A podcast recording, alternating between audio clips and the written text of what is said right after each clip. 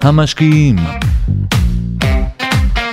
פודקאסט שוק ההון של דה מרקר לייבלס ולאומי דיגיטל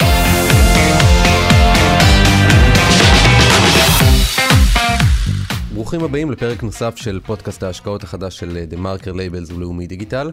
היום חוזר אלינו רוני גיטלין, מנהל תחום ניירות ערך בבנק לאומי.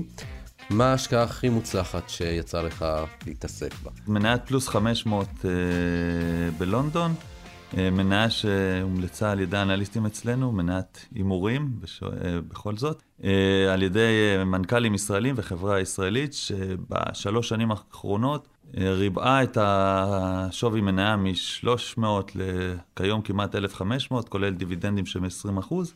לא, לא החזקתי מעמד כל השנה ואת כל התקופה ומכרתי בערך בחצי הדרך. אבל עדיין זו ההשקעה הכי טובה. אז אומרים שבקזינו הבית תמיד זוכה. עדיף לצאת כשאתה מהמר, כשאתה באיזשהו רווח, ולא להמשיך אה, להסתכן. זה אחרת בבורסה? אה, לא, זה לא אחרת, אבל גם בהימורים, מי שעושה, בדרך כלל עושה את הטעות הגדולה, והטעות הגדולה זה שאם הוא מפסיד, הוא מושך את ההפסד, מושך, מושך, מושך, לדוגמה, אם הוא שם 100 דולר, מתי הוא יצא? שהוא מפסיד את ה-100 דולר. אה, מצד שני, מתי אה, הוא יממש את הרווח? בדרך כלל, או אף פעם, הרבה פעמים בקזינו, או ב-100 וקצת, 110, 120, הוא יגיד, טוב, הרווחתי 10-20 דולר על ההשקעה, אני יוצא. זה אומר שלהפסד הוא מוכן לספוג 100 דולר, לרווח 10-20 דולר, בתוחלת הוא יפסיד כסף. וזה אותו דבר בבורסה, מושכים את ההפסדים, המניה יורדת 5, 10, 20, 50 אחוזים אתה מחזיק, מצד שני, שהיא עולה 10 אחוזים, אתה מממש מהר, ולכן בתוחלת, אה, מי שמנסה על טווח קצר, יפסיד כסף. אז מה ההבדל בין קזינו לבורסה? אה, קזינו זה, בדרך כלל זה מזל. זכית או לא זכית. בבורסה צריך להבין שזה לא קזינו. בעיקר אם אתה משקיע לא לטווח של יום-יומיים, חודש-חודשיים. אתה משקיע לאורך זמן, זה בעצם אתה משקיע בכלכלה, להשקיע במדד 35 של ישראל. זה בעצם אומר, אני משקיע בחברות הכי גדולות, ב-35 החברות הגדולות בישראל, ואם הכלכלה פה תצליח, זה יושפע בבורסה. זה פשוט להשקיע בכלכלה. התנודתיות היא יכולה להיות גדולה בבורסה, אבל כהשקעה זה השקעה פרופר במדינה. אז אה, בואו נדבר על המצב היום, השווקים אה, פורחים, שוק המניות עשה בשנה האחרונה הראה להיות מאוד מאוד אה, יפות. מצד שני, אנחנו חוזרים עשר שנים אחורה ואנחנו רואים שהייתה תמונת מצב לכאורה מאוד חיובית, והשוק קרס. יש הבדל משמעותי בין מה שקרה אז ומה שהיה היום. לפני עשר שנים באמת היה ניפוח של, של מניות של בעיקר הסקטור הפיננסי, אבל בעיקר היו השקעות במוצרים מאוד מאוד מסוכנים, שכנראה לא ידענו כמה הם מסוכנים עד שזה קרה. אה, אם אני חוזר להיום, היום יש הרבה יותר רגולציה, יש הרבה יותר אה, שקיפות בשוק, ו... אה, ופחות בועות, בוא נקרא לזה ככה. עכשיו, השאלה העיקרית שאולי צריך לשאול בתקופה הזאת, זה מה קורה עם מניות הטכנולוגיה. מניות הטכנולוגיה הגדולות שנסחרות במכפילים של אמזון 200 ופייסבוק ואלה בעשרות אה, מכפילים, השאלה אם זה באמת, הם ייצרו את ההכנסות של זה, האם סנאפצ'אט שכבר יורדת, אה, הונפקה ב-26 והיום היא כבר באזור ה-12, האם זה הכיוון? או האם הכיוון יותר מניות כמו פייסבוק שהונפקו ומאז הוכיחו את עצמם אה, למעלה. מה אנחנו בכל זאת יכולים ללמוד מ-2008? ב-2008 אה, יש סרט מאוד יפה שעשו על המשבר, נקרא The Big Short, אה, שבו הוא מראה אה, על חברות וקרנות גידור שבהחלט הצליחו להבין מה הולך לקרות. אז נחלק את זה לשתיים. היה שם קרן גידור שבעיקר זה איש אחד, גאון, מבריק, אה, אה, מי שמכיר את הסרט אה, היה שומע רוק כבד, ובעצם הוא ניתח והגיע למסקנה שהשוק אה, ממש לא בכיוון, ושהולך להיות נפילה כמו שלא הייתה מאז 29. אבל בוא נניח שאנחנו לא כאלה. בוא נ... היה שם עוד קרן, הייתה שם עוד קרן גידור, של כמה אנשים חכמים, לא מעבר, ששמעו בחצי אוזן על מישהו שאומר שה-CDS, מה שנקרא הלוואות המשכנתאות הרעות האלה, הם מאוד בבעיה. עשו תחקיר. איך הם עשו תחקיר? הם לא לקחו וניתחו את תיקי הבנקים. הם בעצם הלכו ונסעו למיאמי, שם היה שיא. הסיפור. הלכו וכבר בדרך מהשדה תעופה למלון, שמעו שהנהג מונית קנה כבר שלוש דירות. ואז הלכו שם ושאלו אותו, אוקיי, תגיד לי, אה, באיזה כסף קנית? הוא אמר, לא הייתי צריך להביא כסף. הבנק הביא לי 100%, אם ההשקעה מצליחה, אני מוכר ומחזיר את ההלוואה. אם ההשקעה לא מצליחה, הכסף אה, והדירה הולכת לבנק ואני פטור מחובות, שזה שונה מישראל דרך אגב, פה ההלוואה היא אישית, לא רק לדירה. ואז הוא ראה את אותו נהג מנית עם uh, כמה דירות, והמשיך הלאה, הלך לראות את הפרויקטים. הלך לפרויקטים וראה שאף אחד לא גר שם. היה גם, יש איזה סיפור, הולך, נכנס, אה, רואה איזה מישהי באמת uh, בת 30, מסוממת, באמת הכי הכי uh, לא. שואל אותה מה היא חושבת על הדירות וכולי, אומרת, כן, גם אני קניתי ארבע, זה מבנק הזה, זה מבנק הזה, זה מהבנק הזה.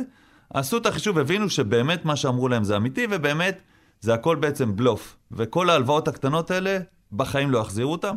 עשו את החישוב ועשו, והלכו מה שנקרא שורט, נגד המגמה, ובסופו של דבר עשו הרבה רווח. מה המסקנה מזה? שבסוף צריך כן לנתח קצת, באמת לא צריך להבין עד כדי כך לעומק, אבל צריך להבין אם יש היגיון מאחורי זה. ואם משהו לא עושה סדר בהיגיון, ומשהו בהיגיון שלנו לא מסתדר, כנראה זה לא. וזו המסקנה הכי גדולה. כשכולם הולכים uh, לכיוון מסוים, אולי זה בדיוק הזמן uh, להתרחק משם. בדיוק, ומי שעשה את זה בעוצמה זה אולי uh, וורן באפט, שבתקופה עם יתרות מזומן מאוד גדולות, די הציל לא מעט חברות, uh, קיבל uh, מניות מווילס פארגו ועד גולדמן, כל מיני מניות שהוא תמך בהן, וחלק מהן גם הציל מפשיטת רגל. ובסוף שהשוק באמת חזר, כמו שלטענתו הוא תמיד חוזר, אה, הרוויח הרבה מאוד כסף, וכיום המניה של וורן באפט הבודדת שווה באזור רבע מיליון דולר. אה, זה אומר שבהחלט אולי אחד היחידים שלאורך כל כך הרבה שנים מכה את השוק. ما, מה הופך אותו לכזה גורו של השקעות? איך הוא ידע לחזות את הדברים האלה? קודם כל, הוא לא נכנס לטווח קצר. הוא מאמין בחברה לאורך זמן, ואומר, אני לא שותף לעשר דקות ולא לשנה. אני נכנס לחברה אם אני חושב שאני אהיה שותף לפחות לעשר שנים. אז הוא מנתח את החברות ואומר, אם שווה לי להיות שם לאורך זמן, אני נכנס. דבר שני, הוא אמר, נכנס לדברים שאני מבין רק. מה שאני לא מבין, אני לא נכנס. יכול להיות שאני מפספס השקעות מצוינות? יכול להיות. יכול להיות שכתוצאה מזה יש דברים שהוא, השוק יהיה יותר מתוחכם ולא יעשה? נכון, הוא לא עושה. הוא רק מה שהוא מבין, הוא עושה. חוץ מזה הוא מנתח, הוא נכנס ומתחיל להבין מה באמת העסק עושה.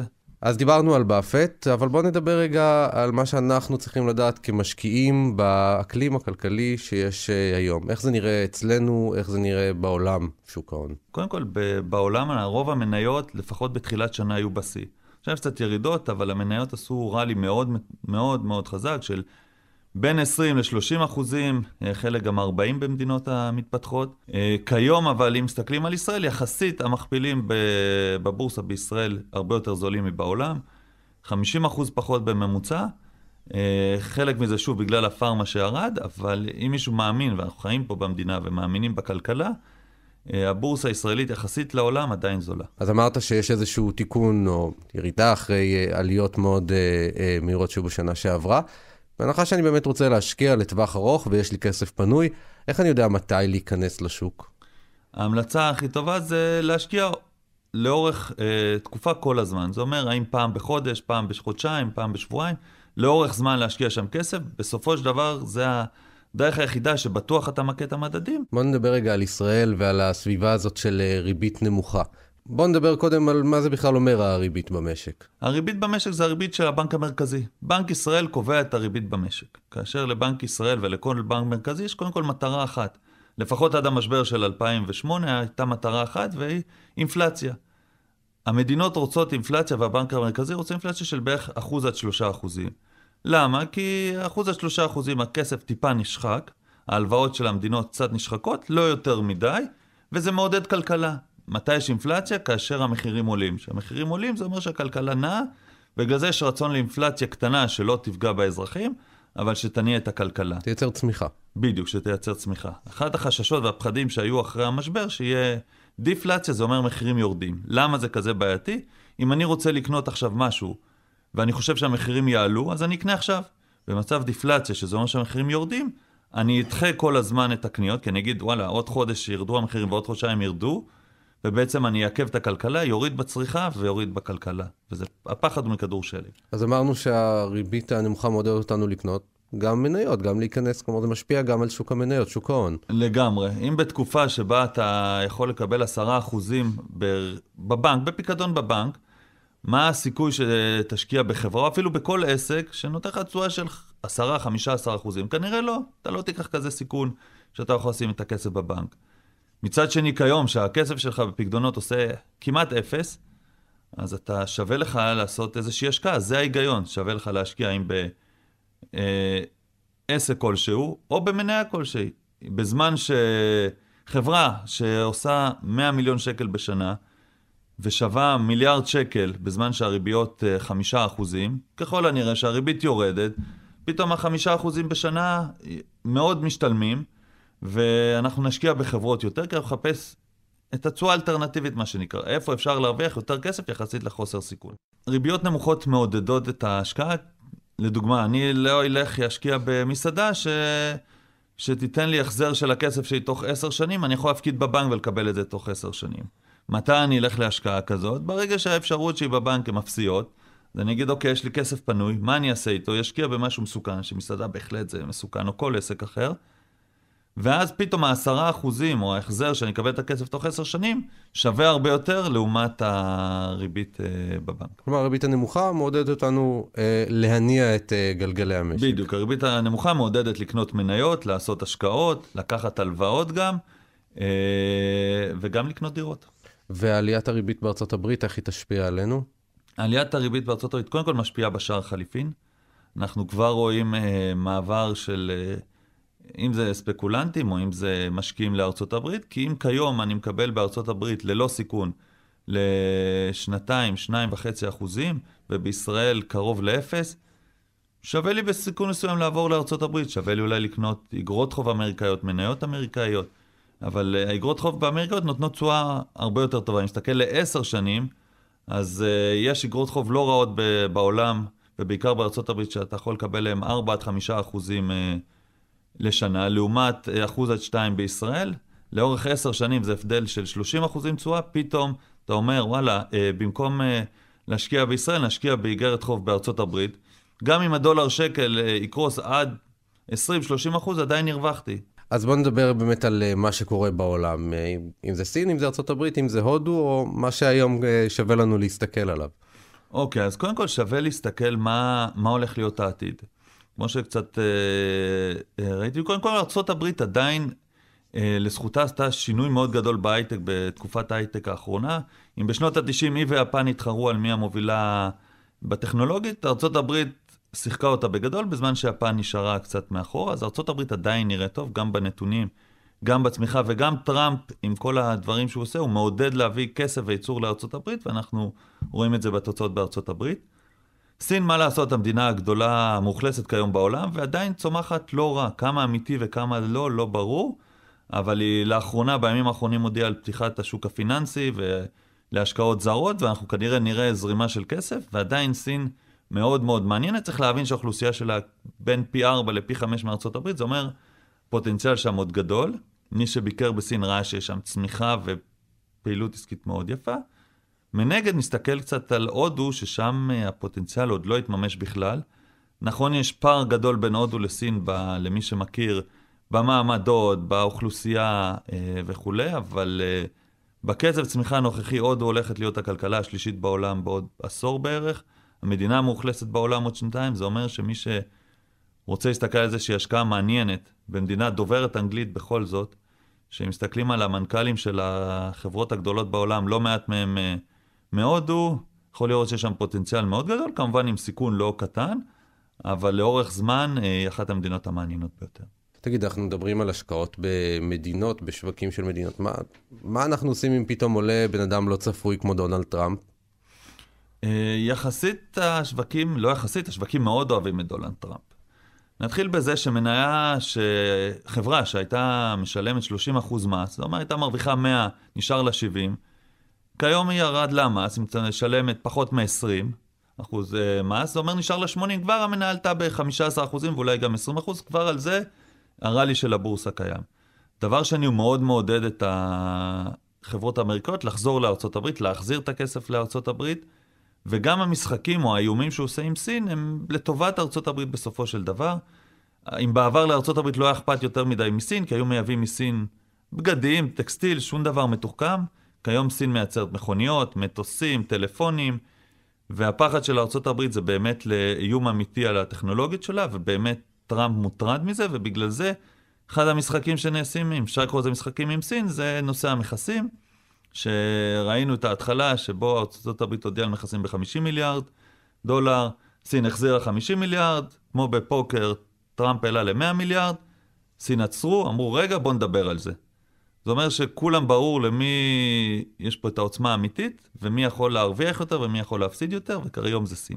שיכולה להפסיד יותר. דיברנו על מדינות, בואו נדבר על אה, שווקים, על אה, מניות הטכנולוגיה, הפארמה, הקמעונאות, על מה אנחנו כמשקיעים אה, צריכים לשים לב ומה אנחנו צריכים לדעת על התחומים השונים האלה.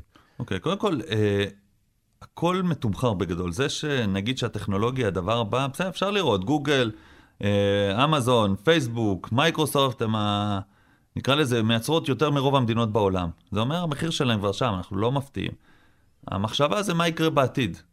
אפשר לחשוב, אוקיי, לדוגמה אוכלוסייה מזדקנת, אם מישהו רוצה משהו מעניין, אז נניח יפן החציון גילאים הוא בערך 50-51, אה, גרמניה דומה. זה אומר היום אם אתה בן 50 ביפן, יש 50 אחוז מבוגרים ממך, 50 אחוז קטנים ממך בגיל, בזמן שבישראל אה, נקרא לה מדינת הילדים, אה, החציון הוא 32. זה אומר, ככל הנראה, האוכלוסייה ביפן, אם ניקח אותה כדוגמה, תצרוך יותר תרופות, תצרוך יותר אה, עזרה של, אה, לא יודע מה, סייעות, אה, עוד כל אה, בתי אבות וכולי, אז מי שרואה את הכיוון של המדינות שם ורואה שבאירופה, לדוגמה, שליש מהאנשים בכלל לא מביאים ילדים, אה, יראה שהאוכלוסייה מזדקנת, כתוצאה מזה יש משמעויות, ויש סקטורים שהרוויחו מזה.